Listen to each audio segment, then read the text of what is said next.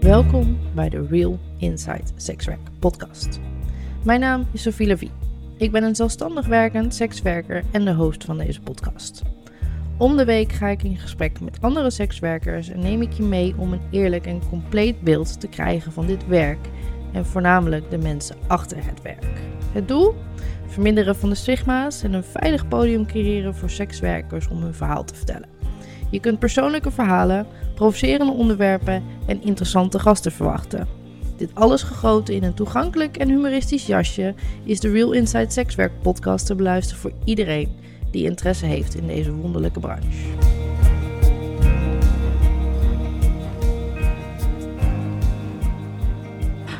Uh, lieve mensen, welkom allemaal. Um, nieuwe aflevering van de Real Inside Sexwerk podcast. Ik zat, al, ik zat al te lachen, want uh, ik heb heel vaak als ik de opname start, dat ik dan vervolgens uh, vraag, hey, of vertel even, wat is voor jou de diepere zin van het leven? En uh, Jake had zo'n verschrikkelijk goed antwoord, dat ik echt spijt had dat ik ehm, de opnameknop nog niet aan had staan. Kun je nog even samenvatten wat je net zei? Uiteraard. Um, nou ja, hallo iedereen. Uh, bedankt dat ik er mag zijn, dat ik mijn verhaal mag Oh, wacht, ik ga meteen door hè, over die diepere zin van het leven. Ik skip de bullshit. Nee, ja, ik, nee, komt helemaal goed. Ik ga er helemaal voor in. Um, maar nee, we hadden het over de diepere zin van het leven. En ik zag laatst een TED-talk en het ging over geluk in het leven. Mm -hmm. um, en de oudste studie die ooit is gedaan over geluk is gedaan door Harvard. En daar hebben verschillende professors verschillende studenten uh, vragen gesteld, elk jaar, um, vanaf meer dan 80 jaar terug. En deze studie is meest gespecificeerd, meest oud in geluk. Dus um, wat ze hebben gedaan is dat ze elk jaar een heel diep onderzoek hebben gedaan met uh, die mannen en vrouwen. Uh, wat trouwens ook een verschil was, ze hadden bijvoorbeeld verschil aan inkomen. Dus yeah. uh, sommigen waren opgegroeid in New York, in Harlem en hadden bijna geen geld. Anderen in Manhattan en hadden heel veel geld. Dus ze hielden ook rekening met verschillende soorten mensen in de maatschappij. En het bijzondere was dat na zoveel jaar kwam eruit dat je omgeving uh, het meeste ervoor zorgt, um, of in ieder geval de grootste pijler is van hoe gelukkig je wordt in je leven. De, en niet alleen hoeveel mensen om je, heen, je om je heen hebt, maar hoe diep die connectie is. Dus het was heel erg, heb je goede vrienden om je heen? Wat is je sociale netwerk? En uh, wat voor een connecties heb je met elkaar? Dus een diepere uh, meaning of life, of een diepere zin van het leven, mm -hmm. zit voor mij heel erg in de connecties die je hebt met elkaar. En het blijkt ook dat dat heel erg je geluk bepaalt. Uh, vaak werd er ook gevraagd aan die studenten van Harvard van, goh, wat, wat wil je later? En heel vaak was het materialistisch of het ging om veel geld verdienen, beroemd worden. Um, zelfs toen al. Maar uiteindelijk op je sterfbed, dat is dan weer een ander onderzoek, um, zegt bijna niemand: Ik wil, ik had meer geld willen verdienen of ik had beroemd willen zijn, maar ik had meer tijd willen spenderen aan uh, mijn familie. Of ik had ja. meer met mijn zoon willen omgaan. Of uh, ik, ik had meer uh, quality time met vrienden willen spenderen. En dat is ook de, de Psychology uh, of Money van Morgul Housel. Mm -hmm. Erg goed boek. I recommend. Um, 10 out of 10. 10 out of 10. Um, daar wordt ook een voorbeeld gegeven over hoe iedereen heel erg opkijkt naar personen als Elon Musk. Want mm. natuurlijk, hij, hij is een genie. Maar uiteindelijk heeft hij maandenlang in zijn fabriek geslapen. Zijn kinderen niet gezien. En waar heeft hij nu het meeste spijt van? Dat is niet quality time spenderen met zijn vrienden en familie. Dus is hij echt gelukkig? Ik ken hem niet persoonlijk, dus dat kan ik niet zeggen. Maar als je kijkt naar een heel oud onderzoek, het oudste onderzoek over happiness die Harvard heeft gedaan, zou dat peilen dat dat niet zo is. Maar waarom moet dat voor ons het persoon zijn om naar op te kijken? Waarom kijken we zo erg naar, naar succes en niet naar geluk. En dat vind ik wel een dieper purpose of life. Is dus echt de kwaliteit en de connecties die je hebt met elkaar en met iedereen om je heen. Is dat ook niet waar onze verwarring zit? Is, denken we niet dat onze geluk in de verkeerde dingen zit? Of in, in andere dingen dan die in elk geval dit onderzoek uitwijst waar ons geluk zit? Exact. Ik denk dat heel weinig mensen zich bewust zijn waar ze echt gelukkig van worden op het lange termijn. En ik bedoel, sinds social media is er natuurlijk al een, een, een, overvloed van, uh, van hele heftige depressies, maar het, het heeft twee kanten. Ja. Ehm, het is natuurlijk heel mooi dat via social media dat je heel uh, ambitieus kan werken aan je doelen. Er is dus zoveel mogelijk en het is een prachtige wereld. Maar aan de andere kant is vergelijking en denken dat succesvol zijn en dat dan op Instagram zien als een perfect plaatje van, oh, ik heb superveel geld, ik, ik zit op een jacht. Ehm, en waar wij het ook al over hadden gehad met een van mijn boekingen. Ik zit in Ibiza op een villa. Mhm. Dit is het leven. Maar er zit een hele context achter. En ehm, geluk zit hem niet in de materialistische dingen. En natuurlijk is dit waarschijnlijk ook voor de mensen die luisteren een misschien een, een scratch behind the head dat ze denken, maar je bent, je bent escort. Mhm. Ehm, en je, je verdient vaak uh, best wel redelijk ook als escort. Dus is dat ook niet een motivatie voor je. Maar voor mij zit daar een hele andere essentie in. En ik denk dat dat ook heel vaak anders wordt gezien. Lekker bruggetje trouwens. Ja. Want ik ga je nu na vijf minuten daadwerkelijk introduceren. Jee. Ja. Tegenover mij zit, uh, zit, uh, zit Jake. En um, nou, Jake vertelde net tussen neus en lippen al uh, dat hij uh, sekswerker is. Yes. Um, en um, het leuke is, toen uh, met iedereen die te gast komt in mijn podcast, uh, bel ik altijd even en dan vertel ik even uh, wie ik ben en waarom ik dit doe en wat ik belangrijk vind van mijn podcast. En toen kwamen wij in dat telefoongesprek al in een heel interessant gesprek met elkaar. Ja. waarbij je mij eigenlijk terecht wees op het feit dat ik jou ook Gigolo noemde. Ja. Um, nou, ik vind dat een hele mooie aanknoping, los van dat ik nu weet wat voor jou de zin van het leven is. um, op te beginnen. Want ik zei tegen jou, oh, maar dan ben je gigolo. En toen verbeterde je hem en toen zei je, nee, nee, nee, nee, ik ben een mannelijk sekswerker. Ja. Verklaar u nader. Nou, ik vind het heel fijn dat ik dit uh, kan zeggen, ook op een breder, breder publiek. Mm. Want voor mij voelt het woord gigolo, ik identificeer me daar niet mee. Tuurlijk, in de essentie is het heel vaak um, debatable. De, sommigen zeggen mannelijk prostituee en het is allemaal hetzelfde, maar ik identificeer me persoonlijk er niet mee. Uh, ik bedoel, het woord gigolo, uh, tot op de dag vandaag, 2023, in de Dikke Vandalen, heeft de beschrijving... Hij pakt even zijn boekje erbij, hoor. ik pak even mijn research erbij. Man die zich door vrouwen laat betalen om seks met ze te hebben. En dit is de dag van vandaag. Dan hebben we Cambridge Dictionary. Dit is in het Engels. Dat is a man who is paid by a woman, especially a younger man, by an older woman in return for sexual attention and companionship. Nou moet ik zeggen dat ik het heel fijn vind dat ze companionship erbij zetten. Dat het mhm. niet alleen maar objectief over seks gaat. Want sekswerk, vooral in, het, voor in mijn essentie high-class sekswerk, gaat meer dan alleen seks, maar ook echt companionship. Maar waar staat het man-op-man sekswerk? Aspect erin. Dat, dat lees ik niet terug. En ik uh, lever voornamelijk mijn sekswerk aan uh, mannen. Ik sta heel open voor alles en iedereen, maar dat is voornamelijk mijn doelgroep. Mm -hmm. En um, ook als je het op Google opzoekt, heb je af en toe wel dat er dan staat: kan ook van man op man zijn. Maar dat voelt een beetje, heel ironisch gezien, als een slap aftreksel. En het Ga je nou weer het woord slap, slap aftreksel gebruiken? Ik vond hem gewoon te mooi om niet te gebruiken.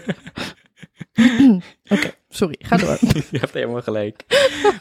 maar het, de term komt uit 1920, uh, eh, daar is het geïntroduceerd. Um, en het stamt zich af van het woord uh, gigolet, wat, uh, Fran wat een Frans woord is voor een vrouw die zich laat inhuren als danspartner.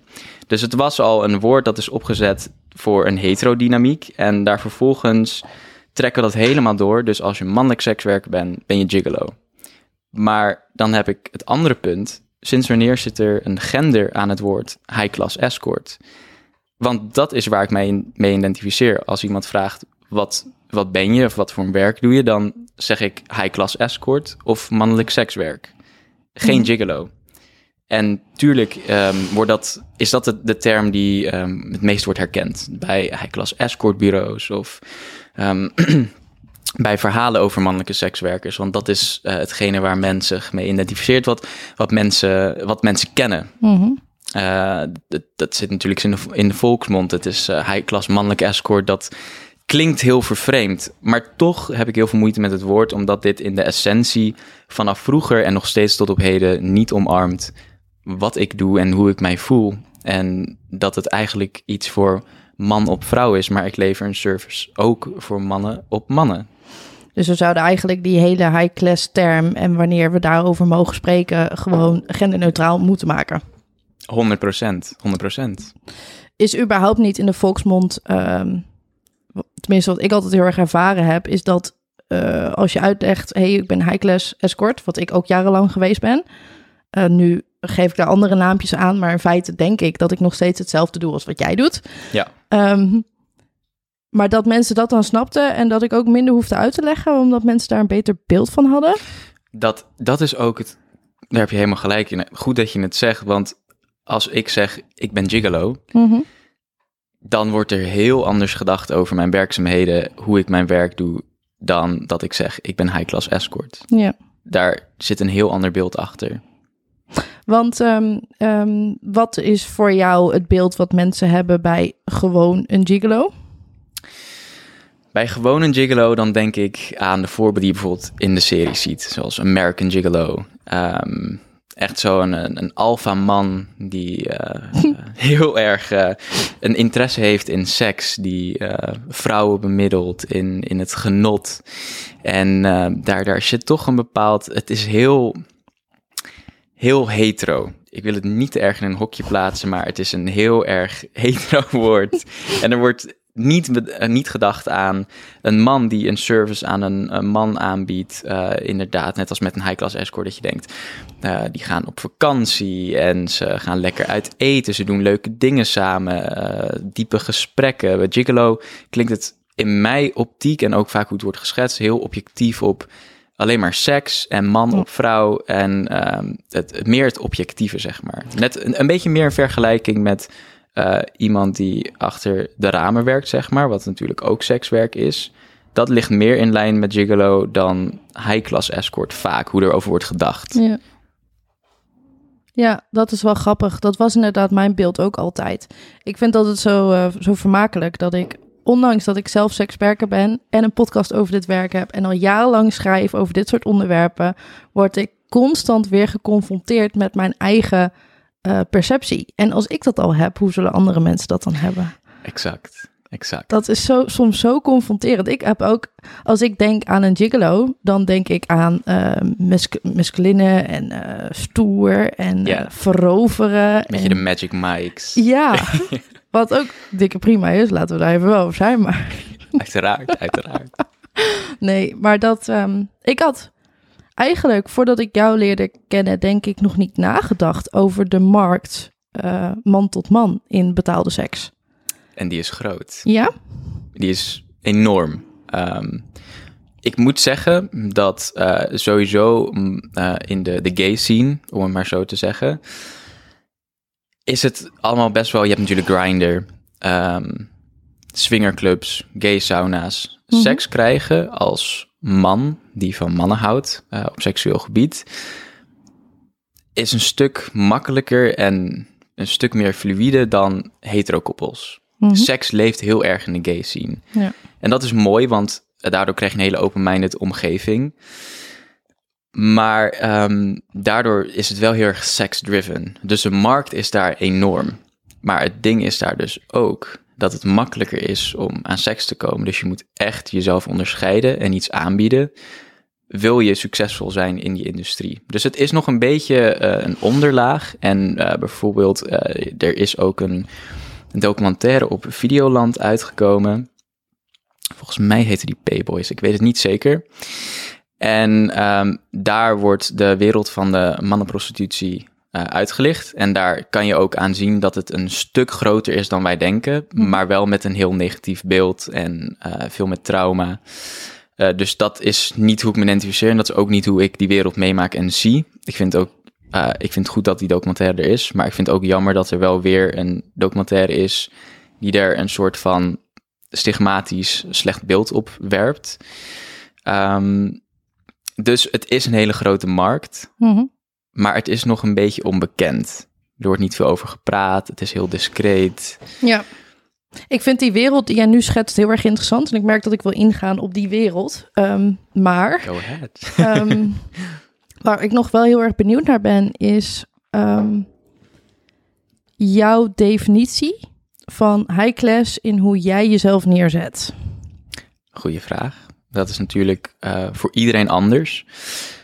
Maar voor mij omarmt high-class escort werk, uh, of high-class escort zijn, um, meer dan alleen objectief seks. Het is een ervaring die je aanbiedt. Het gaat niet om uh, kort seks hebben. Het gaat om het hele mentale stuk. Uh, je leert iemand kennen, je, je leert iemands interesse kennen, je rapporteert iemand, je, je, je kent iemands lichaamtaal, je weet hoe je daarmee om moet gaan, hoe je daarmee kan spelen, je weet hoe je verleidt. Dus mm -hmm. vanaf het gesprek aan de eettafel ben je al vol een mentaal spel bezig met de ander om daadwerkelijk te bouwen tot een climax mm -hmm. die iemand niet zal vergeten.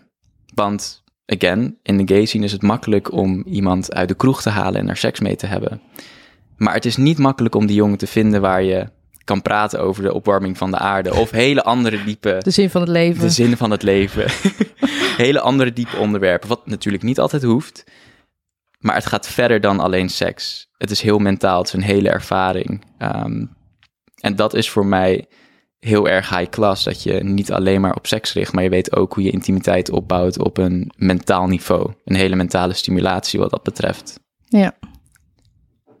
Jack, oké. Okay. Wij delen onze visie als het gaat over high class. Heerlijk.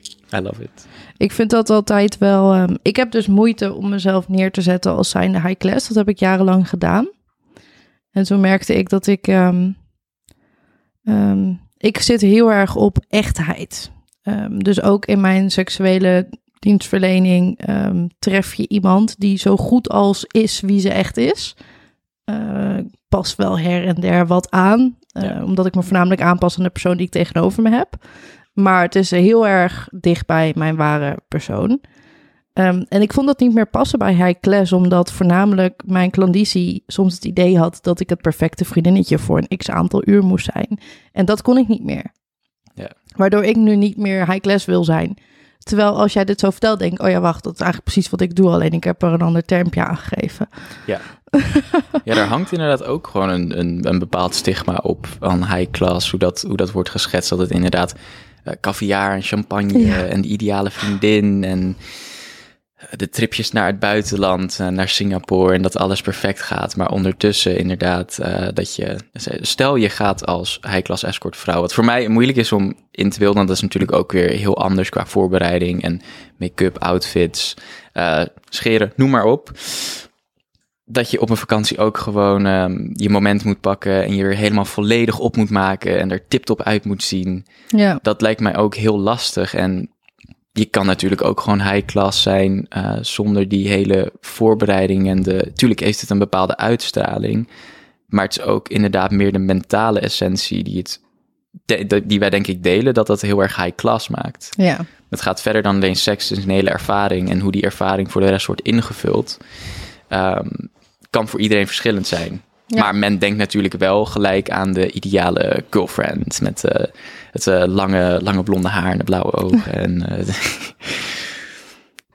ja, ik denk dat die, als, ook als, als mensen aan mij vragen, um, ik krijg wel eens vragen van, hey joh, zou ik me moeten, bij wat voor bureau zou ik me moeten aanmelden? Of dat, dat ik dan altijd moet adviseren wat je moet hebben om je... Nee, ik ga niet de deur open doen. Wat is dit nou weer voor ellende? Wacht even hoor. Um, dit was echt heel erg vermakelijk. Heel erg. De deurbel ging. We zitten gewoon wederom weer bij mij thuis. Gezellig. En de deurbel ging. En vervolgens hadden we even een korte pauze. En um, luisteren we een stukje van de opname terug. En um, ja, dat klinkt allemaal echt weer top. Het is weer echt helemaal heerlijk lekker. Lekker, gezet, lekker spontaan. Het is altijd zo spontaan. Um, ja, want um, dat helemaal uh, perfect zijn, daar waren we een beetje gebleven met ons high-class verhaal. Ja, ik uh, denk dat ik daar wel een hele mooie insteker op heb. Ik vraag me namelijk af, hoe kijk jij tegenover lange boekingen? Een weekend, een week. En hoe zou je het voor je zien? Ik heb wel eens verhalen gehoord dat iemand uh, nou wel eens op zakenreis meegaat voor een maand. Hoe, hoe lang? Een maand. Een long arrangement. Wat is jouw visie op lange boekingen? Like or dislike? Ja. Ehm, ten eerste, de cash is mooi. Ja, laten we daar gewoon even eerlijk over zijn. Ja, dat is zo. Ehm, zelf ben ik er niet een heel groot voorstander van, omdat ik het niet zo goed kan.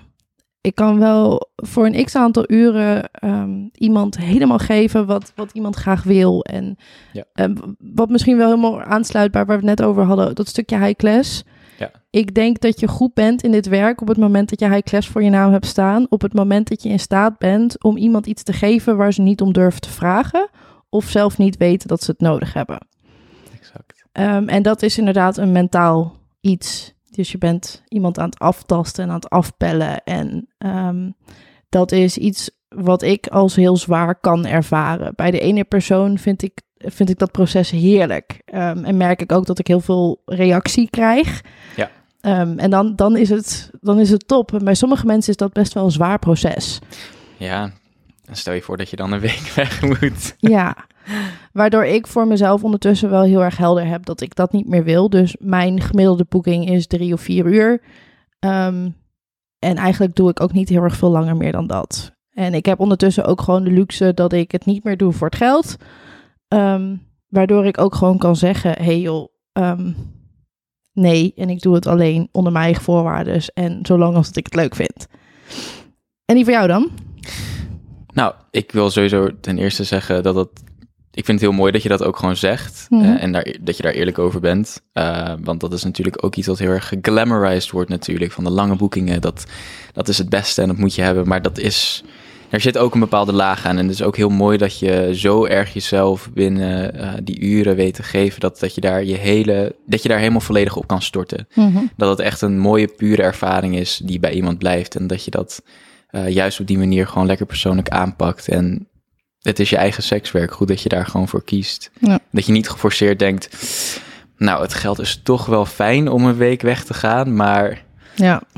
het hoeft niet. Dat is niet hoe jij het wil doen. En dat waardeer ik heel erg. Nou ja, ik wil heel graag dat iemand eh, gelukkig en blij is. Ja. Ehm, en ik denk dat er ehm, mensen zijn die hier beter in zijn dan dat ik het ben. Dus dan kan ik beter zeggen: hey, ehm, sorry, maar niet met mij. Eh, en iemand anders heel erg blij maken met die week dat, dat, eh, dat ze weg kunnen. Ja, ik denk dat iedereen zijn eigen expertise moet pakken. Ja. En, en vooral op. eh, in inderdaad die high-class wereld. En vooral op- ook op het moment dat je inderdaad ook met een bureau, dus dat je collega's hebt eigenlijk, of gewoon collega's, noem het zoals je wil wil noemen. Ehm, dan mag je gewoon aangeven, nee, dit vind ik leuk of dit vind ik niet leuk. En dan hebben we met z'n allen als sekswerkers ook de meest tevreden klanten. En daar profiteren we als branche weer van. Perfect, exact. Ja, Said it right. maar jij vindt het dus wel leuk. Ik vind het geweldig. Heel eerlijk, ik, ik geniet daar zo erg van. Het is ook omdat ik, ik vind het, ik hou sowieso, omdat ik eh, Morgan Housel, Psychology of Money al had benoemd. ehm, ik hou heel erg van psychologie. Mensen uitpluizen. Mhm. En mijn expertise is echt de boyfriend experience. Mhm. Ehm, dus de diepe gesprekken, de wandeling op het strand. Ik vind het ook leuk om iemand uit zijn comfortzone te halen. Ehm, dus ik hou er heel erg van om eh, mee te gaan op vakanties. Mits ik eh, diegene wel ken. En dan, dat, daar betekent, dat betekent niet dat ik eh, vijf boekingen met iemand moet hebben gehad. Maar wel echt één boeking waar ik iemand, iemands energie kan voelen. In ieder geval weet ehm, of wij matchen. En hoe ik kan manoeuvreren als wij bepaalde momenten toch niet helemaal matchen. En dat ik er toch uit kan halen of het gaat lukken om die week onvergetelijk te maken. Want dat is uiteindelijk ook mijn doel. Ik wil dat je eh, iets overhoudt eraan. Een mooie herinnering. Eh, en niet alleen ehm, genot en pleasure van de seks. Dus ik geniet heel erg van vakanties. Ehm, bijvoorbeeld mijn laatste vakantie was naar Zuid-Afrika. Kaapstad. Mhm. Uh, en dat was een hele fijne week waar ik een hele week lang in een bubbel zat met een hele interessante heer. Uh, die mij heel veel over het leven heeft meegebracht, heeft verteld. Um, en hij heeft ook weer veel geleerd van mij kijken op de wereld. En dat was een hele mooie, bijzondere week waarin we hele gave dingen hebben mogen doen. Um, zo heeft hij um, nou nog nooit achter op een jetski gezeten. En ik vind dat heel leuk. Maar um, hij vond het wel spannend. Dus ik dacht, laat ik hem uit zijn comfortzone trekken. Uh, en ik had al gepeld of dat dan wel mogelijk zou zijn natuurlijk met hem. En hij stond ervoor open en toen hebben we een hele leuke sessie op zee gehad met de jetski. Uh, en dat is zeker iets wat hij niet gaat vergeten. hij zat ook uh, achterop helemaal van, ah, oh, don't go too fast, don't go too fast. maar uh, we hebben daar heel erg leuk over gepraat en dat bouwt ook weer adrenaline op. En dat maakt uiteindelijk ook weer de intimiteit later ja. een intenser. Wat voor soort relaties ga jij met je klanten aan? Um, lang termijn. Ja. Vaker, dus dat ik ze meer zie. En ik probeer steeds meer uh, in de gedachten te kruipen. Steeds meer te kijken, oké, wat, wat vindt iemand fijn, wat vindt iemand leuk? Ook op seksueel gebied. En daar elke keer toch een nieuwe spice in te geven. Ik vind het heel leuk om iemand te leren kennen en daar steeds dieper in te duiken. En mezelf ook gewoon persoonlijk te geven. Uh, ik ben redelijk een open boek. Mm -hmm. uh, er zijn natuurlijk persoonlijke dingen die ik niet zeg, maar er zijn wel veel dingen die ik wel zeg. Uh, en zeker als je een week weggaat met iemand, kan je er bijna niet omheen dan dat je het over, ook gaat hebben over, over jezelf. En uiteindelijk dat je ook vragen krijgt die misschien wat persoonlijker zijn. En dan moet je op voorbereid zijn om daar antwoord op te geven. Uh, en natuurlijk uh, bespreek je van tevoren waar je comfortabel mee bent. Uh, maar ik merk dat ik het niet erg vind om daar de diepte in te gaan. Mm -hmm. En ik vind het eigenlijk ook wel leuk om elkaar op een diepere manier te leren kennen. En heel echt te zijn. Want iemand merkt het ook, ook in intimiteit, wanneer je het faked. dus wanneer je iemand echt niet leuk vindt, wanneer de seks echt niet botert, wanneer de energie helemaal verschillend is, dat, dat merkt iemand toch. En dat vind ik het leuke aan de, de tripjes en de vakanties die ik heb gehad, is dat ik uiteindelijk uh, ben teruggevraagd of ik ze uiteindelijk, of hey, er is, is, is iets heel moois uitgekomen. Bijvoorbeeld een heer is uit de kast gekomen nadat ik een vakantie heb gehad met hem. en dat, dat geeft mij een heel euforisch gevoel. Ik vind het heel mooi dat ik, uh, dat, dat blijkt weer voor mij dat ik toch echt mezelf ben op zo'n boeking. In het jasje van Jake natuurlijk. Mm -hmm. um, maar dat ik wel authentic ben en dat ik mezelf niet verschuil en uh, het ook niet fake hoe ik met iemand omga. Tuurlijk moet je af en toe jezelf over iets heen zetten Mhm. of uh, even een mindere periode ingaan of toch een bepaald gesprek of jezelf ergens toe zetten. Maar dat that's also part of it. Natuurlijk in de lijnen waar je comfortabel mee bent. Ja, nice. Klinkt leuk. Als Ja. jij het zo schetst, ehm, heb ik ook wel weer zin in een vakantietje met een klant. Mijn laatste was naar Ibiza vorig jaar. Heerlijk. Dat was wel echt heel erg tof. Want hij, heeft, hij had gewoon een, een villa. En hij kende mijn visie omtrent langdurig met iemand weggaan. Ja. En toen heeft hij gewoon... Hij heeft me laten komen, autootje voor me geregeld. Het, er waren negen kamers in dat huis of zo. Hij had me gewoon mijn eigen kamer gegeven, mijn eigen badkamer, autootje voor de deur. Top. Ik zie je wel weer en doe je ding en kom maar een keer terug. Ja. Geweldig. Oké. Dat hoef je niet twee keer te zeggen. Maar dat was uiteindelijk een van de eh, fijnste tijden die ik met iemand gespendeerd heb. Maar dat kwam ook omdat ik... Hij wist dat ik het niet leuk vond, dus hij had heel erg zijn best gedaan om het leuk te maken. Maar dat is toch ook mooi hoe, hoe je zo een band met iemand opbouwt en iemand die daar zo rekening mee houdt. Dat is heel, het is zo menselijk ook, ondanks dat sekswerk natuurlijk ook, eh, sekswerk is werk, maar het is ook heel menselijk. Het is Ja.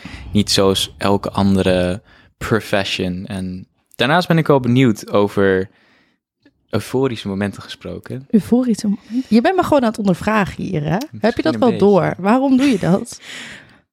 Ik heb al wat eerder wat afleveringen geluisterd, maar toch zijn er bepaalde vragen dat, die wij ook aan de telefoon een beetje hebben gehad. En hoe ik jou een beetje heb leren kennen, waarvan ik denk, ik wil het eigenlijk wel weten. Mhm. Leuk. Dus ook ehm, wat jouw meest euforische moment met een klant is. Ik vind dat, ik vind het heel leuk om te weten, zulke, zulke feitjes. En ik denk dat, eh, Ja. dat het ook leuk is om te delen. Het is ook echt heel leuk om een keer de vragen terug te krijgen. Ehm, want inderdaad, vaak stel ik ze. Ehm, en dan, ik pak vaak mijn moment wel, dus dan vertel ik later eventjes hoe dat dan dus voor mij is. Maar dan kom ik nooit echt tot details. En ik merk dat ik er zelf dus heel veel van leer als mensen me dit soort dingen vragen. Dus ik vind het echt Leuk. superleuk. Ehm, mijn meest euforische moment. ik denk, en hij, eh, dat was in de club en hij was daar al een aantal keer geweest. En eh, hij had elke keer niet, niet, niet de perfecte match. En, en eh, er kwam een collega naar me toe en die zei... Yo, Alice, ik heette daar Alice. Ehm, er zit iemand beneden en dat is waarschijnlijk een perfecte match met, met jou. Dus ik ruim je kamer wel op, ga jij maar alvast naar hem toe. En ik riep, liep het randje om en hij keek me aan en ik zag... Oké, dit is echt een perfecte match. Alleen al gebaseerd op uiterlijk, maar soms Ja. heb je wel eens van die vonken. Ja, ja, ja. Nou, dat gebeurde daar ook. Heerlijk. En die was dus ook vanuit mijn kant heel oprecht. Want ik vond het meteen een hele eh, sympathieke man. Soms heb je zo'n zo'n gevoel bij iemand. Ja. Ehm, dan heb je, hoef je nog niks met elkaar besproken te hebben, maar dat had hij. Ja. En wij gaan naar boven en ik ga mijn gesprek aan. En ook daar in de club probeer ik iemand af te pellen. En ik heb daar veel minder tijd om iemand af te pellen. Dus ehm, vaak ga ik even rustig zitten en even Tactisch aanpakken.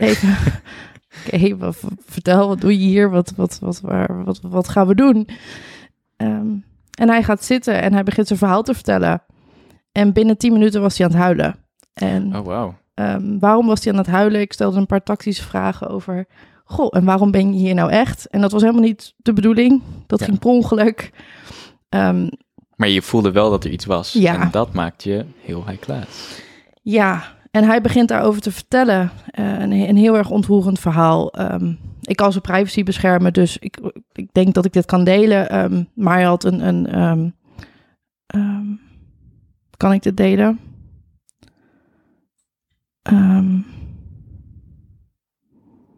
Misschien dat het in een kader van een bepaald onderwerp.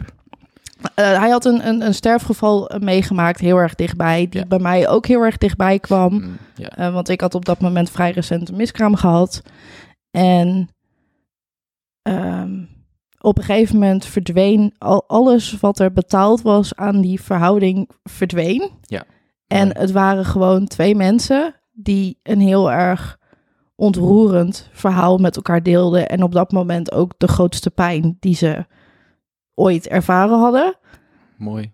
Ehm, ik merk dat ik er emotioneel van word om het te vertellen. Wat stom. Ik heb het nog nooit verteld. Ja, maar dat is juist, dat is het mooie. En ik denk dat dat mensen moeten ook weten wat het, wat het met je kan doen. En dat het meer is dan een tussen haakjes betaalde handeling, service en seks. Ik bedoel, kijk hoe diep dit gaat en hoe Ja. persoonlijk het is. Ja. Dit Ik is zeg iets ook wat niet dat hij nooit standaard is. Nee, dat snap ik. Maar Dit is zo uitzonderlijk dat ik, ik, ik heb altijd... Ik maak contact en ik vind het fijn als mensen zichzelf te- kunnen laten zien. En ik, maar het zijn vaak stapjes. Dus vaak Ja. heb je, mag je net weer even een nieuw segmentje van iemand zijn karakter zien. En dan ben ik vet blij. En dit was gewoon in één keer pas, boom, woesh. En we zaten in elkaar zone. meant to be. Nou ja, dat was zo tof. En we hebben best wel een hele fijne periode gehad waarin we heel veel voor elkaar konden betekenen, ook in intimiteit. Ja. Want hij zocht intimiteit en geen seksualiteit. Ehm, waarvan ik echt zeker weet dat hij inderdaad mij nooit meer gaat vergeten en ik hem niet meer. Maar hoe, hoe mooi is dat? Dat? Ja, dat is moeilijk in woorden uit te drukken, maar ik, ik was er niet bij. Maar zelfs ik vind het heel inspirerend en mooi om te horen. En het is ook... eh, het geeft me heel erg ook een trots over Ja. sekswerk. Want dit zijn Ja. de verhalen die niet vaak worden benoemd of eh, vaak worden uitgelicht. Maar dit zijn wel de verhalen die we moeten horen. Nou ja, dit is die menselijke kant. Ja, En dit is waarom eh, op het moment dat, dat sekswerk in de media is en ze willen een soort van die mooie, ze willen die kant belichten die we als maatschappij niet kennen, is dit de kant die geen, eh, die geen ruimte krijgt. Het feit dat dit inderdaad werk is en dat eh, sekswerkers in de regel mensen gewoon ook mogen raken en dan op meer gebieden dan alleen seksualiteit. Ja. Eh, en ik denk dat wij als sekswerkers onze eigen ruimte moeten pakken om dat verhaal te vertellen. 100 procent.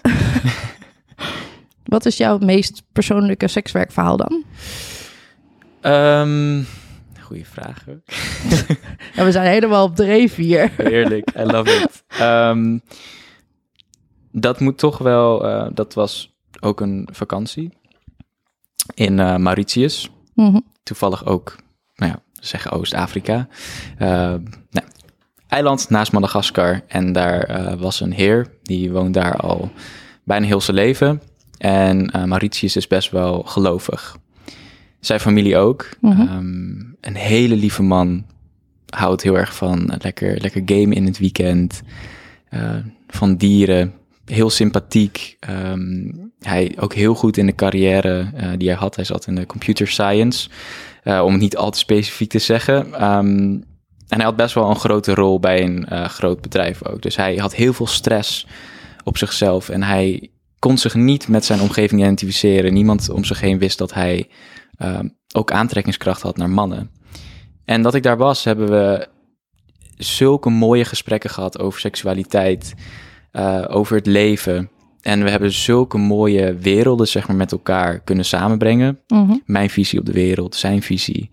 En uiteindelijk hebben we prachtige dingen gedaan. Waaronder uh, op de laatste dag zwemmen met de walvissen. Wat ik nooit meer ga vergeten. Wow. Dat was zo bijzonder, schoon en mooi. En hij gunde mij dat. Mhm. En daarnaast hebben we ook gewoon uh, in, een, in een super chic hotel heeft hij de PlayStation 5 meegenomen. en zijn we gaan PlayStation in de avond. Uh, hoe leuk. Wat verschrikkelijk normaal. Heel, ja, het is echt. Later had hij ook, uh, heeft hij me ook voor kerst een PlayStation 5 naar mijn huis gestuurd. Nou ja, heel eerlijk, mijn, de nerd in mij sprong een gat in de lucht. en het is zo mooi dat hij me daar persoonlijk mee raakte. Maar het allermooiste daarin is dat hij uit de kast is gekomen. Na jarenlang uh, moeite ermee te hebben gehad. Na jarenlang het moeilijk te vinden om het te accepteren. Mm -hmm. Heb ik echt iets in hem aangezet zonder te forceren. Mm -hmm. Maar hebben wij um, zo erg erin ge- hebben wij er zo erg over gepraat, hebben we er zo, zulke stap in gezet dat hij uiteindelijk de keuze heeft gemaakt om het daadwerkelijk echt te doen, om uit de kast te komen. Uh, weg te gaan uit het eiland en naar Parijs te verhuizen is het plan. En dat heeft heel veel met me gedaan, want ik heb iemand geholpen om uit een soort van mentale kooi te komen, naar mijn idee. En uh, hij heeft mij heel veel moois gebracht. Dus dat was zo een mooie uh, dynamiek, dat inderdaad bijna, uh, tuurlijk kreeg ik er een heel mooi bedrag voor, maar dat viel bijna weg na wat we allebei met z'n twee hebben gedaan en wat we daaraan over hebben gehouden. Ja. En ook een hele mooie connectie. Gaaf. Inderdaad, die mentale kooi. Ik Ja. denk dat je daar sowieso uh, als mannelijk sekswerker uh, een grotere rol vervult dan de gemiddelde vrouwelijke sekswerker. Als het gaat om inderdaad, ik denk, ik vul dit in, als je als man sekswerker wil zijn, je ook echt heel erg oké okay moet zijn met wie je bent. Uh, maar als je inderdaad ook, ook met je geaardheid, op het moment dat je inderdaad ja. aan, als man mannen uh, diensten aanbiedt, uh, dat je daar mensen echt heel erg mee kan inspireren. Ja, want dat, dat is ook wel grappig. Heel veel mannen die, uh, die mijn boeken zijn ook hetero. Uh, sommigen hebben een vrouw. Mm -hmm. En omdat je tijdens sekswerk, ik denk dat dat voor zowel mannen als voor vrouwen hetzelfde is. Je deelt zoiets intiems, seks met elkaar, dat je vaak ook hele intieme verhalen hoort.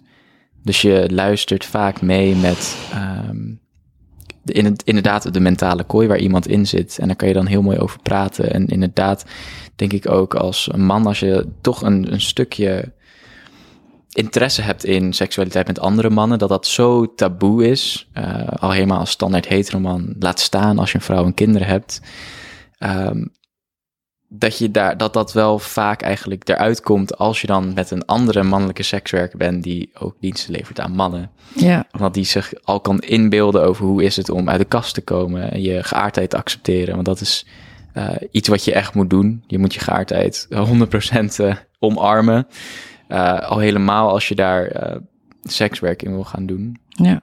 Dus da daar zit wel een intensiteit in. Maar hoe, hoe is dat bijvoorbeeld voor um, sekswerk van vrouw op vrouw? Heb je daar veel ervaring in? Of heb je daar wel eens verhalen over gehoord hoe dat zit? Want ik heb het idee dat die industrie dus best wel klein is. Maar er is bijvoorbeeld wel een bureau in Nederland die gespecialiseerd is in vrouw op vrouw contact. Uh, is dat zo? Ja. Hm. Um, en daar was ik heel erg uh, verbaasd over, maar ook weer niet. Want dat is wat men denkt over de man-op-man-industrie. Dus misschien is die wel net zo groot. Ik denk dat dat een hele grote markt is. Ja, dat, dat zou wel moeten. Ik bedoel, ja. Het is nummer één fantasie van een vrouw om seks te hebben met een andere vrouw. Exact. Van een hetero vrouw. Um, ik denk dat dat bij mannen ook anders zit dan bij vrouwen. Bij mannen is het sneller echt een vorm van geaardheid op het moment dat ze seks willen met een man. Ja, Ja. Eh, en bij vrouwen is het vaak gewoon een vorm van nieuwsgierigheid. Ja, maar je begrijpt elkaars lichaam natuurlijk ook veel beter. Dat, dat ze zeggen ook, eh, eh, ik heb wat vriendinnen die vallen ook op vrouwen en die, die zeggen ook, ja, seks hebben met een vrouw, dat is niet te vergelijken met, Nee. dan met een man. ik bedoel, het is de Nee. hele navigatie van het lichaam. Ik kan me heel goed voorstellen dat je dat als vrouw echt wel wil meemaken. En ehm, ik, ik, ik, ik vrees dat ik me in dit opzicht inderdaad een klein beetje expert mag noemen, omdat ik ook met zoveel mannen seks heb gehad. In mijn privéseks heb ik het liefst seks met vrouwen. Ah, dat wist ik niet. Wat is die kat nou weer? Die is gezellig aan het mee, eh, mee dansen op de achtergrond. Hoe heette die ook alweer, Mike? Hoe heette die kat ook alweer? Ah, heb ik ook niet geluisterd. goed. Nee, goed, maakt het niet uit. Ehm, waar waren we? En je bent expert op het gebied van... Oh ja, eh, ik ben echt, ben echt een expert. Had ik lekker knorretje weer. heerlijk, I love it. Nee, ehm, ja, mannen en vrouwen seks is echt, echt heel anders. En ik heb in mijn privéseks echt liever seks met vrouwen. Dus er zit veel meer uitdaging in. Wat leuk. Wat voor een uitdaging is het? Mentaal? Ja, alles. Dat is het leuke van vrouwen. Vrouwen werken gewoon in hun lichaam ook anders. Ja. De meeste vrouwen komen minder makkelijk klaar. Maar de meeste vrouwen, eh, hun seksualiteit is ook veel complexer dan bij mannen. Ja. Vrouwen worden geil van andere dingen. En ehm, de meeste vrouwen ehm, zijn zich daar ook niet helemaal van bewust. Dus dan zit daar een bepaald soort onschuldigheid in. En die onschuldigheid vind ik echt heel aantrekkelijk. Oh, wat leuk om dat ook helemaal uit... eh, ik had ook toevallig een keer gelezen dat vrouwen kunnen klaarkomen van een eh, erotisch boek lezen. En ik denk dat Fifty Shades of Grey echt heel veel deuren heeft geopend voor heel veel vrouwen. Terwijl ik dat helemaal geen erotisch boek vind. Ik vind dat een romantisch boek. Ja, het is, een, het, het, is, het is ook meer een romantisch boek, maar ik denk als je er daar helemaal geen aanraak mee hebt gehad.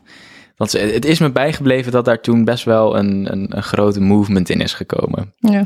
En ook dat mensen zich daarover wilden uiten, dat dat, eh, dat, dat best een groot ding is. Eh, omdat mannen, mannen worden opgewonden op een hele andere manier dan vrouwen. Dat, eh, leuk, ik kan voorstellen dat dat echt eh, aantrekkelijk is om daarin Ja. te exploren, zeg maar. Vind ik wel. En ik, ik zou heel graag meer willen werken met vrouwen. Ja. Omdat ehm, hoe ik mezelf nu inderdaad neerzet, is het echt op die intimiteit en die verbinding. En ook dat mentale stuk van seksualiteit. Dus ik zit eigenlijk veel meer op coaching en begeleiding dan dat ik nog echt sekswerk doe op dit moment. Ja. En ik merk dat dat een hele aantrekkelijke branche is voor voornamelijk vrouwen. Ehm, en dan bedoel ik koppels of dames die voor een eerste keer een ervaring willen doen, Ja. omdat die psyche zo anders werkt. En dat daardoor ook eh, het sekswerk, het betalen voor seks, ehm, bij vrouwen ook een beetje hun eh, wat normaler begint te worden. Ja. Ehm, dus ik vind die heel erg interessant. Ik zou eigenlijk, ik zou die, die wereld ook beter vertegenwoordigd willen zien. Leuk. Nou, ik, ik, ik voel ook wel dat daar. Er komt ook vast wel een verschil in. Ik bedoel, er is zoveel, er wordt zoveel meer gepraat over sekswerk. eh, zoveel meer films worden uitgebracht. Bijvoorbeeld ehm, Thank You Leo Grand. Ja, Heerlijk. Ook Ja. gewoon een, een goede ja ik heb echt... representatie van sekswerk. Ja, die Blijer film klopt. krijgen. Nee, die film klopt. Ja, Ik heb gehuild bij die film. ja. Dat, ik- gewoon om, om de dynamiek. begrijpen deze film. Ja, nee, maar de, de dynamiek die zij met z'n tweeën hadden. Je ziet die struggle. Ja. En dan zie je die dynamiek en je ziet al dat, al dat ongemak. Wat langzaam maar zeker verdwijnt op het moment dat, dat die dynamiek tussen hun tweeën beter wordt. Ja. Ehm, en het klopt zo erg. En ik Ja. ben zo blij dat daar een film van Ja, is. 100, ja, ik sluit me daar helemaal bij aan. Ik had ook, ik zat in een filmzaal. Ik was met een vriendin en zij, zij doet geen sekswerk, maar ze weet wel heel veel van mij, want ik ben er heel open over in mijn omgeving. Mhm. En ik was helemaal lyrisch tijdens de film. Ik denk dat eh, de mensen achter mij eh, mij heel irritant vonden. en ook niet helemaal begrepen waarom ik er zo eh, enthousiast over was. Maar het was echt, ik, ik genoot van elke minuut uit die film. Nice. Ja, Super nice. Wat ik me trouwens nog afvroeg. ehm, toen ik met jou belde, heb je mij verteld over het feit dat jij een keer gevraagd bent voor een bepaalde videoproductie. ja, En je uiteindelijk gecanceld bent omdat je verhaal niet sappig genoeg was. Ja. Ehm, nou, het is een. eh, om, ik ik weet niet hoe juridisch gezien ik het kan zeggen, maar het is een hele grote producent Mhm. voor documentaires en films in Nederland. En ik was benaderd om mijn verhaal te doen over sekswerk. Deze documentaire zou gaan over eh, mannelijk seks, over in ieder geval de, de wereld van de mannenprostitutie, gericht op andere mannen, dus in de, de gay, gay scene. En het zou eigenlijk gaan over eh, heel veel traumatische verhalen, eh, hoe donker die wereld is, wat er allemaal in misgaat en eigenlijk een licht schijnen op het gevaar. Wat goed is, want er aan de, wat aan de ene kant goed is, aan de andere kant draagt het wel weer bij aan een stigma. Ehm, want er zijn heel veel jonge jongens die verleid worden om in die wereld te komen. Mhm. Maar ik niet een, een jongen die eh, een, zeg maar een soort van payboy wordt, zo wordt dat vaak genoemd. Ehm, vergelijken met een high-class mannelijk escort, zoals ik dat wil zeggen. Er zit vaak een hele andere wereld en visie in. Dus mijn rol zou zijn dat ik mijn verhaal zou doen en dat ik ook zou uitleggen dat het ook op een goede manier kan. Het kan ook eh, vrijwillig, want natuurlijk ben ik zwaar tegen dwang. Dat is gewoon niet oké. Dat moet ook gewoon niet gebeuren. Maar ik vind het ook belangrijk om uit te lichten dat in de mannenprostitutie of man op man, hoe zij het noemde, dat daar ook goede verhalen in zijn en dat het ook op een goede manier kan. Want het werd nu alleen gefixeerd op het slechte. En uiteindelijk had ik mijn verhaal gedaan. Eh, de producenten waren naar me toe gegaan. Heel fijn gesprek. En toen uh, belden ze me even later en zeiden ze toch van... joh, we gaan ons toch richten op uh, alle slechte verhalen. Alle traumatische verhalen. En alle verhalen van jongens die nu nog steeds in de problemen zitten... Uh, en in de knoop zitten met hunzelf. Wat ik heel vervelend vind. Trouwens, het is ook echt niet dat ik... Ik vind het goed dat zij een verhaal kunnen doen. Mm-hmm. Maar het is wel één grote negatieve lading op die wereld. En ik word uiteindelijk daar ook heel erg mee vergeleken. Ja. En ze hebben ervoor gekozen om mij niet erin te doen, omdat ik er dan heel slecht uit zou komen. Omdat ik dan degene zou zijn die zou zeggen: Oh, maar I'm the happy hooker here. Ik doe het, ik geniet, uh, ik vind het leuk. En dan zou ik heel uh, delusional eigenlijk eruit komen. Uh, wat ik goed begrijp dat ze me beschermen, maar aan de andere kant denk ik ook: Oké, okay, maar waar is de goede representatie? Ja, waar is, waar is die happy genoeg? hooker? Ja, waar, waar, is de, waar is de mannelijke high-class escort die ook mannen bemiddelt met een fijn verhaal, dat het ook goed kan? Ja, echt hier, hier heb je mij op een heel groot frustratiepunt. Letterlijk een van de redenen waarom deze podcast er is. Podcast. I love it. Ja, maar dat is ook belangrijk. Kudos. Nee, maar ik vind dit...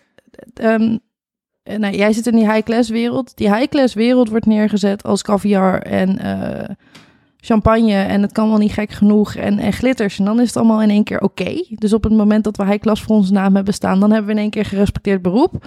Ja. Um, en dat is er. Of het is raamwerk en uh, mensenhandel. Um, en die, die, die normaliteit wordt niet belicht. Nee, er, het is alsof er geen tussensegment is. Of uh, ja, zoveel stukken in sekswerk wordt ook, valt er weg. Ja. Bijvoorbeeld, je hebt ook BDSM, daar, daar heb je ook wel bijvoorbeeld wat series over, zoals Bonding, maar ook niet heel erg. Die, die, die wereld wordt ook niet heel erg uh, gerepresenteerd. Zou je jezelf in dat middensegment zetten? Ik kan eerlijk zeggen dat ik voorheen, dat ik begon met sekswerk, omdat ik redelijk jong begon, dat ik me wel bevond in het middenstuk. Maar nu zou ik me wel meer identificeren in het high-class escortwerk. Ja. En dan high-class in de zin uh, hoe wij het hebben besproken. Ja. Ik zeg dat het niet altijd caviar en champagne is. Um, maar het is voor mij wel de hele ervaring en het totaalplaatje. Ja, het is jouw definitie van de high class en Ja. niet zozeer de definitie van de maatschappij van high class. Exact. Ik denk dat we hem daar redelijk uh, uh, wat, meer, wat meer neergekabeld hebben, inderdaad. Ja. En um, hoe gaan wij sekswerkers ervoor zorgen dat mensen dat middensegment allemaal wat beter ook snappen? Door mensen zoals jou en mij Mm um, erover praten. Vooral, kijk, weet je, het is niet mogelijk voor ieder sekswerker om um, open te zijn over wat je doet. Uh, het is ook, soms is het een heel kort verloop, soms is iemand uh, high-class escort voor een jaar, twee jaar, Mhm. vaak niet heel lang. Uh, en er zitten verschillende redenen achter. Maar het is toch belangrijk dat als jij sekswerker bent en je hebt de kracht om je te uiten en het kan in je omgeving, doe het dan ook. Praat erover, al is het een familiefeestje, een feestje, eh, of een reunie, schoolreunie, die ik laatst bijvoorbeeld had. Uh, dan ben ik er heel open over. Dan Ja. zeg ik het gewoon. Want ik kan het wel verbergen voor de mening van anderen, maar als ik het zeg, dan wordt het normaler. Ja. Bijvoorbeeld nu heb ik eh, met mijn ouders, die het weten, ehm, nu kunnen wij erover praten. Nu hebben ze een heel ander beeld over sekswerk dan dat ze eerst hadden. Mhm. Een compleet ander beeld. En eh, de vrienden van mijn ouders hebben dat dan ook. En vrienden van hen hebben dat dan er ook. En zo wordt het een soort van domino-effect. Ja. Een beetje mond-op-mond marketing. Eh, maar dan een beetje in een andere essentie. Het is een heel aantrekkelijk onderwerp. Mensen willen er van alles over weten, maar ze willen er niet mee geassocieerd worden. Allah, dat is jammer, dat moet ook veranderd worden. Maar de eerste stap is dan toch, de mensen die het willen weten, geef ze de informatie die ze nodig hebben en laat het balletje rollen, zodat eh, iedereen uiteindelijk wel de echte essentie heeft van sekswerk. Dus dat ook het middensegment wordt belicht, dat de glamour wordt belicht, dat eh, de minder leuke dingen worden belicht en dat eigenlijk alles bespreekbaar is. En dat het niet alleen maar eh, van, oh, de, de aanraking met high-class escort, ja, alleen in een, dat heb ik alleen in een tv-serie gezien. Of eh, ja, ik ben wel eens eh, bij de wallen langs een raam gelopen. Dat, dat is te kortzichtig. Daar kan je niet al je informatie op baseren of, al je, of je hele mening. Mhm. Ehm, dus ik vind dat het meer erover praten als sekswerker, als dat kan, de weg is om daar meer aandacht aan te schenken. En net vertelde je ook al tussen neus en lip. Ik ga even lekker zitten hoor. Get comfortable. ik begin echt steeds comfortabeler achter, achter die microfoon te worden. Heerlijk. Ik voel me tegenwoordig, ik, ik ga voor de radio-dj-schap uh, Die natuurlijke habitat. Ja, waarom niet? Oké, maar ehm, ja, je vertelde net tussen neus en lippen door dat je het, ehm, dat je, het je ouders verteld hebt. Uh, nou, dat, uh, ik heb het niet mijn ouders verteld. Oh. Iemand anders heeft het voor mij verteld. Maar uiteindelijk heb ik ze natuurlijk wel het hele verhaal verteld. Dus, um, nou ja, ik. Uh, het is lastig om te zeggen, maar ik wilde het dus echt tegen mijn ouders zeggen, oprecht. Mm -hmm. dat was ook echt mijn plan. Um, maar eerst wilde ik een punt bewijzen. Ik wilde eerst uh, laten weten dat het goed met me ging. Ik wilde bepaalde dingen hebben bereikt, zodat ik ze dat kon laten zien. En dan daarmee gezegd hebbende ook van, het kan ook anders. Dus um, voor mij was het heel erg de essentie van, oké, lekker doorstuderen. Dat ik daar lekker mee bezig ben. Mentaal dat het goed met me gaat. Uh, en dat ik bijvoorbeeld inderdaad al wat tripjes heb gemaakt. Um, wat contact heb gelegd, uh, genetwerkt en wat meer heb bereikt in sekswerk. Um, maar daarvoor had ik mijn uh, zus in vertrouwen genomen. En uh, dat is, uh, nou ja, one way or another bij mijn moeder gekomen. En het was wel grappig, want die belde mij op terwijl ik met een klant was. In de auto, onderweg naar een, nou ja, een leuk hotel. En mijn moeder belt niet zomaar. Dus ik dacht, oké, okay, nou, ik moet toch even opnemen. Mhm. Mm -hmm. Dat vond ik al erg vervelend. En toen nam ik op en toen zei ze, ja, er, er worden wat, wat gekke dingen gezegd. Maar geen zorg hoor, ik weet dat, je dat, dat jij niet zo bent en uh, dat is gek. Uh, maar niks aan de hand, we steunen je. En we laten niet zomaar zo'n slecht beeld van je schetsen. En toen zei ik, ik kom na het weekend even langs. ik moet nu gaan. Dus ik ben er niet verder op ingegaan. En toen um, ben ik met mijn moeder gaan zitten. En toen heb ik gewoon heel eerlijk gezegd: Mam, wat er is gezegd is waar. Uh, ik ben sekswerker. Maar ik doe dit al voor best wel een lange tijd. Ik heb een hele studie lang gedaan. Die ik toen al had afgerond. En er is niks veranderd aan, aan mij als persoon. Ik ben altijd dezelfde jongen gebleven. En um, dat heb je ook meegemaakt. Je hebt me meegemaakt in die tijd dat ik dat ook was. Mm-hmm. Uh, ik doe nu gewoon mijn studie. Ik ben lekker bezig met, uh, met mijn eigen bedrijf. Dus weet dat ik sta achter mijn keuze. En dat het vrijwillig is. En uh, ze was een beetje onwennig. Ze vond het best wel lastig om te horen natuurlijk. Ik denk niet dat het het ideale beeld is van je zoon. Um, dat ik ook een hele mooie band met haar heb.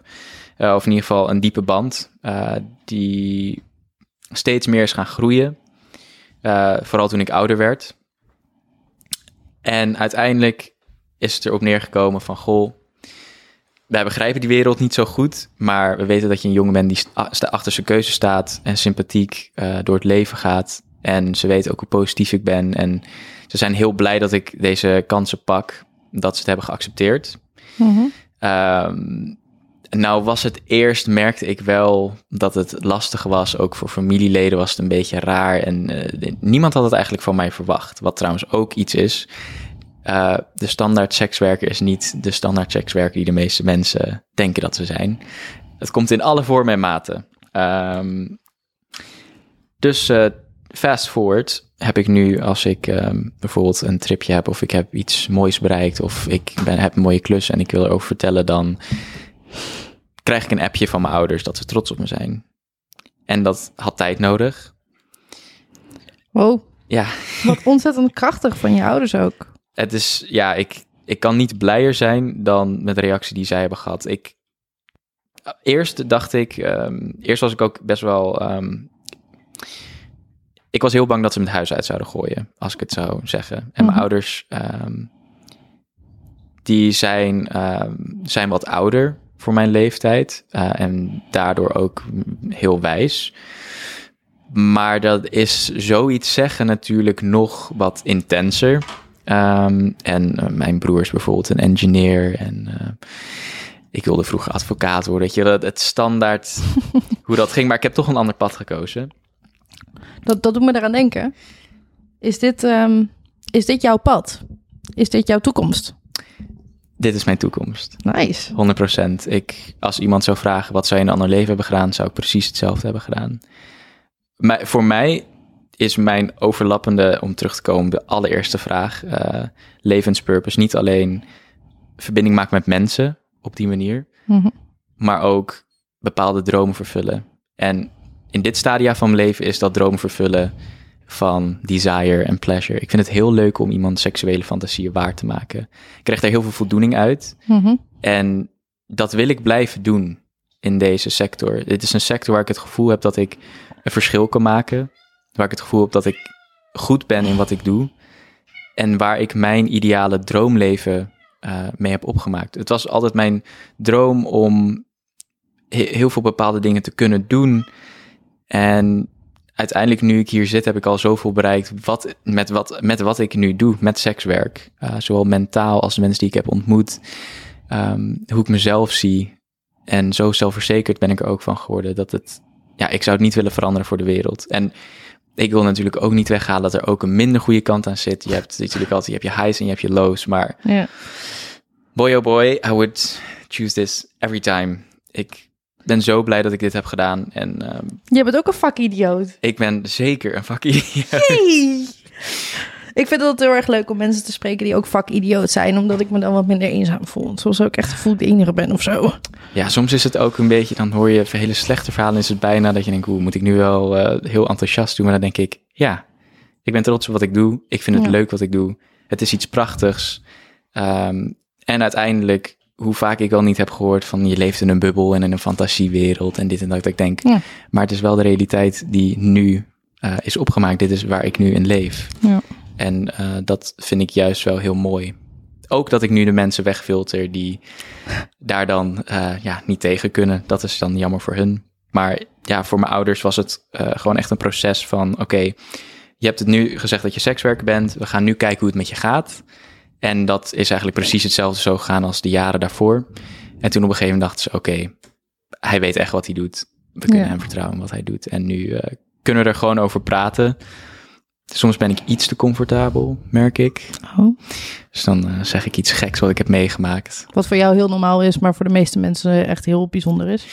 Ja, exact. En dan, dan eh, zegt mijn moeder ook van, eh, nou ja, weet je, dat... ehm, leuk, maar dat, Doe maar er- niet. doe maar niet. Ja, er is een lijn.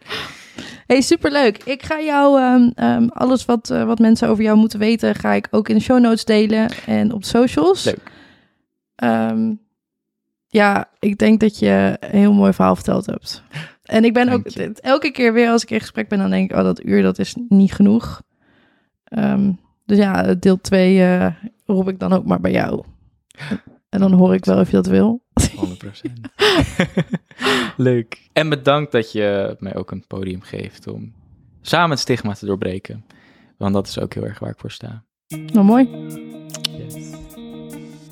Dankjewel dat je weer luisterde naar een aflevering van de Real Inside Sexwork podcast. Elke dinsdag om de twee weken is er een, eh, een nieuwe aflevering. De ene keer ga ik in gesprek met een andere sekswerker of een instantie. Ehm, en soms ga ik in gesprek met mezelf over een bepaald onderwerp. Denk je nou, hey joh, ik eh, wil de Real Inside Sexwork podcast eh, goed in de gaten houden. Ga ons dan op Instagram volgen. Dat is de Real Inside Sexwork podcast. Zonder spaties, geen gekkigheden. En ga ook even bij je favoriete podcastplatform uh, ons volgen en zet de meldingen aan. Dan krijg je automatisch een melding op het moment dat er een nieuwe aflevering is. tot de volgende keer.